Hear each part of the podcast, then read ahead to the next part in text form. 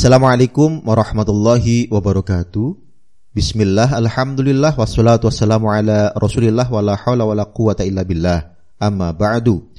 Pendengar Buletin Dakwah Kafah rahimakumullah. Alhamdulillah kembali hadir di tengah-tengah Anda semua. Buletin Dakwah Kafah kali ini edisi 268. 17 Rabiul Akhir 1444 Hijriah, 11 November 2022 Masehi. Kali ini akan mengangkat tema meneguhkan identitas Islam. Bismillahirrahmanirrahim. Pilpres atau pemilihan presiden 2024 memang masih jauh. Namun demikian, kekhawatiran bahkan ketakutan kelompok radikal sekuler anti-Islam terhadap kemenangan kelompok Islam di Pilpres 2024 tampak nyata. Trauma kekalahan Ahok dalam Pilkada DKI Jakarta tahun 2017 benar-benar membekas di hati mereka. Mereka khawatir jagoan mereka berikutnya yang diduga kuat merupakan boneka oligarki selanjutnya bakal kalah di Pilpres 2024. Karena itu, segala cara mereka lakukan untuk membendung kekuatan politik Islam. Salah satunya dengan terus-menerus menuding kelompok Islam memainkan politik identitas. Tudingan ini sebetulnya tidak berbeda dengan tudingan-tudingan sebelumnya bahwa kelompok Islam sering memainkan isu agama, melakukan politisasi agama, jualan ayat dan mayat, ini sering mereka kaitkan dengan kasus Pilkada DKI Jakarta 2017 dan lain-lain. Tujuan dari berbagai tudingan tersebut tentu saja agar kaum muslim tidak memilih capres atau cawapres muslim yang dianggap kental warna keislamannya atau dianggap berpihak pada Islam dan umat Islam. Pendengar rahimakumullah. Awas jebakan. Umat Islam tentu tidak seharusnya terjebak dalam permainan istilah yang digunakan oleh kelompok radikal sekuler anti-Islam. Alasannya, pertama, tudingan mereka sesungguhnya hanya membuktikan sikap hipokrit atau kemunafikan mereka. Faktanya, setiap menjelang pilpres atau pilkada, merekalah sebetulnya yang sering memainkan politik identitas atau melakukan politisasi agama. Caranya dengan memanipulasi identitas bahkan agama atau keyakinan mereka. Aslinya para calon yang mereka dukung acap kali berasal dari kalangan radikal sekuler anti-Islam, bahkan berasal dari kalangan non-muslim seperti kasus Ahok.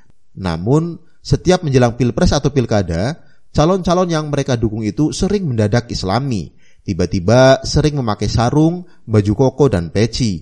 Tiba-tiba berkerudung dan berjilbab Tiba-tiba rajin berkunjung ke pesantren-pesantren. Tiba-tiba sering sowan kepada para kiai. Tiba-tiba kegiatan ibadah ritualnya seperti sholat, zikir, dan berdoa diviralkan seolah ingin menunjukkan kesolehan pribadinya. Padahal aslinya ada yang diduga terlibat korupsi, suka nonton bokep, zalim terhadap rakyat kecil, dan lain-lain. Kedua, tudingan mereka bertujuan agar umat Islam meninggalkan sama sekali identitas keislaman mereka juga agar umat Islam tidak menggunakan kacamata Islam dalam memilih pemimpin mereka. Sebabnya, mereka tentu sangat trauma dengan kekalahan Ahok dalam Pilkada DKI Jakarta tahun 2017 akibat umat terpengaruh oleh fatwa haram memilih pemimpin kafir. Mereka tidak ingin umat Islam yang mayoritas di negeri ini terpengaruh oleh fatwa-fatwa agama di Pilpres 2024 yang akan merugikan calon yang mereka dukung yang aslinya memang sekuler bahkan anti-Islam. Pendengar rahimakumullah, wajib memegang teguh identitas Islam. Allah SWT telah memerintahkan hambanya agar memeluk Islam secara kafah dalam seluruh aspek kehidupan. Dalam Quran Surah Al-Baqarah ayat 208, Ya ayyuhalladzina amanu dkhulu fis silmi kafah wa la tattabi'u khutuwati syaitan innahu lakum aduwwum mubin. Wahai orang-orang yang beriman, masuklah ke dalam Islam secara menyeluruh dan janganlah ikuti langkah-langkah setan. Sungguh ia musuh yang nyata bagi kalian. Imam Al-Qurtubi di dalam kitab tafsirnya Al-Jami' li Ahkamil Quran menjelaskan ketika Allah SWT menjelaskan kepada umat manusia, baik mukmin, kafir maupun munafik, maka dia seolah berfirman, jadilah kalian dalam satu agama, berhimpunlah kalian dalam Islam, dan berpegang teguhlah dengannya. Kata Asilmi di sini maknanya Islam. Ini dinyatakan oleh Mujahid dan diriwayatkan oleh Abu Malik dari Abdul Abbas. Karena itu, ayat ini memerintahkan semua umat manusia untuk memeluk Islam secara kafah. Dalam kitab yang sama, Imam Al-Qurtubi lalu menjelaskan makna kafah di dalam ayat ini. Pertama, menyeluruh, yakni meliputi seluruh ajaran Islam. Kedua, menolak yang lain di luar Islam. Dengan kata lain, orang yang telah memeluk Islam wajib mengambil Islam secara menyeluruh dan menolak yang lain selain Islam. Itu baru disebut masuk Islam secara kafah.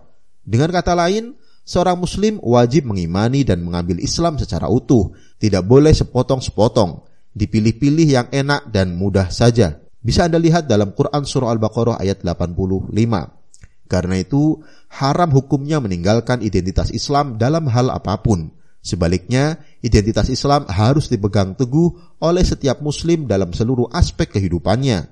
Tidak hanya saat beribadah, tetapi juga dalam melakukan kegiatan lain seperti ekonomi, sosial, pendidikan, politik, pemerintahan, dan sebagainya. Dalam konteks politik Islam, Al-Alamah Al-Qadi Syekh Muhammad Taqiyuddin An-Nabani menyatakan, As-siyasatu hiya ri'ayatu syu'unil ummah dakhiliyan wa kharijiyan wa takunu min qibalid dawlati wal ummah. Fad-dawlatu hiya allati tubashiru hadhi ri'ayati amaliyan wal ummatu hiya allati tuhasibu hadhi dawlah. Politik adalah mengurusi urusan umat di dalam dan luar negeri. Hal itu dilakukan oleh negara dan umat. Negaralah yang melaksanakan pengurusan ini secara langsung sedangkan umatlah mengoreksi negara. An-Nabani dalam kitab Mafahim Siyasiyah halaman 5. Mengurusi umat di dalam negeri itu dilakukan oleh negara dengan cara menerapkan ideologi Islam, akidah dan syariah secara kafah dalam seluruh aspek kehidupan. Tugas umat adalah mengoreksi jalannya penerapan ideologi Islam ini jika terjadi penyimpangan. Adapun mengurusi umat di luar negeri adalah dengan mengemban dan menyebarkan ideologi Islam ke luar negeri. Berpolitik yakni mengurusi urusan umat di dalam dan luar negeri dengan menerapkan Islam secara kafah itu hukumnya wajib, baik oleh negara maupun umat, itulah politik Islam. Karena itu, seorang muslim sejatinya adalah politikus. Sebabnya, politik dalam pandangan Islam adalah mengurusi urusan umat dengan syariah Islam. Karena itu, setiap politisi muslim wajib menguasai fikih Islam dengan baik dan benar. Sebabnya, jika tidak menguasai fikih Islam, ia tidak akan bisa mengurusi urusan umat dengan baik dan benar. Karena itu, fikih dan politik dalam pandangan Islam tidak bisa dipisahkan. Pasalnya, fikih adalah solusinya, sedangkan politik adalah cara bagaimana mengimplementasikan fikih tersebut dalam kehidupan. Di sisi lain, seorang ahli fikih Islam tidak boleh berhenti pada penguasaan hukum fikih, tetapi harus sampai pada level implementasi atau penerapan fikih Islam itu ke dalam kehidupan. Jika tidak, hukum fikih atau syariat Islam tersebut hanya menjadi sebatas gagasan.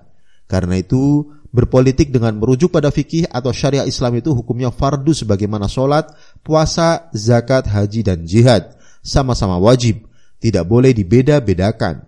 Dengan demikian, fikih Islam akan melekat di dalam politik dan tidak bisa dipisahkan. Inilah yang sekaligus menjadikan politik memiliki identitas yang jelas, yakni Islam. Politik Islam semacam inilah yang membedakan dirinya dengan politik sekuler. Sebaliknya, ketika politik umat Islam tidak menggunakan fikih atau syariah Islam, maka politiknya tidak mempunyai identitas yang jelas. Politiknya akan menjadi politik sekuler yang oportunis dan hipokrit. Inilah yang digambarkan dalam Al-Quran surah An-Nisa ayat 143. Mudabdabina baina dhalik la ilaha ula'i wa la ilaha ula' wa may yudlilillahu falan tajidalahu sabila. Mereka, orang-orang munafik, dalam keadaan ragu di antara yang demikian, iman atau kafir. Tidak termasuk golongan orang beriman ini dan tidak pula golongan orang kafir itu. Siapa saja yang dibiarkan sesat oleh Allah karena tidak mengikuti tuntunannya dan memilih kesesatan, kamu tidak akan menemukan jalan untuk memberi petunjuk bagi dirinya. Alhasil, tidak boleh seorang muslim menanggalkan syariah Islam sebagai identitasnya dalam berpolitik, apa pun alasannya.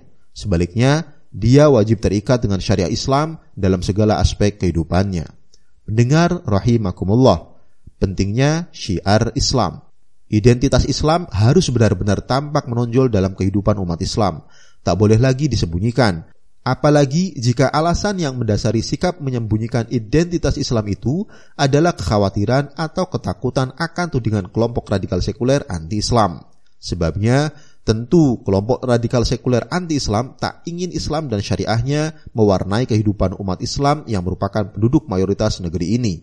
Karena itu, umat Islam, para tokoh Islam, para pimpinan partai Islam maupun para calon pemimpin dari kalangan Islam tak perlu ragu lagi menunjukkan identitas keislaman mereka. Tak perlu ragu lagi mereka menyuarakan syariah Islam. Saatnya mereka berani secara lantang menyuarakan syariah Islam jangan lagi mereka menyembunyikan kebenaran Islam. Sebabnya Allah SWT telah berfirman dalam Quran surah Al-Baqarah ayat 42, "Wala talbisul haqqo bil batili wa taktumul haqqo antum ta'lamun." Janganlah kalian mencampur adukan kebenaran dan kebatilan. Jangan pula kalian menyembunyikan kebenaran padahal kalian tahu. Selain itu, menampakkan identitas Islam merupakan bagian dari syariat Islam yang harus terus diagungkan Sebabnya mengagungkan syariat Islam adalah bagian dari ketakwaan kepada Allah SWT. Allah SWT berfirman dalam Quran surah Al-Hajj ayat 32,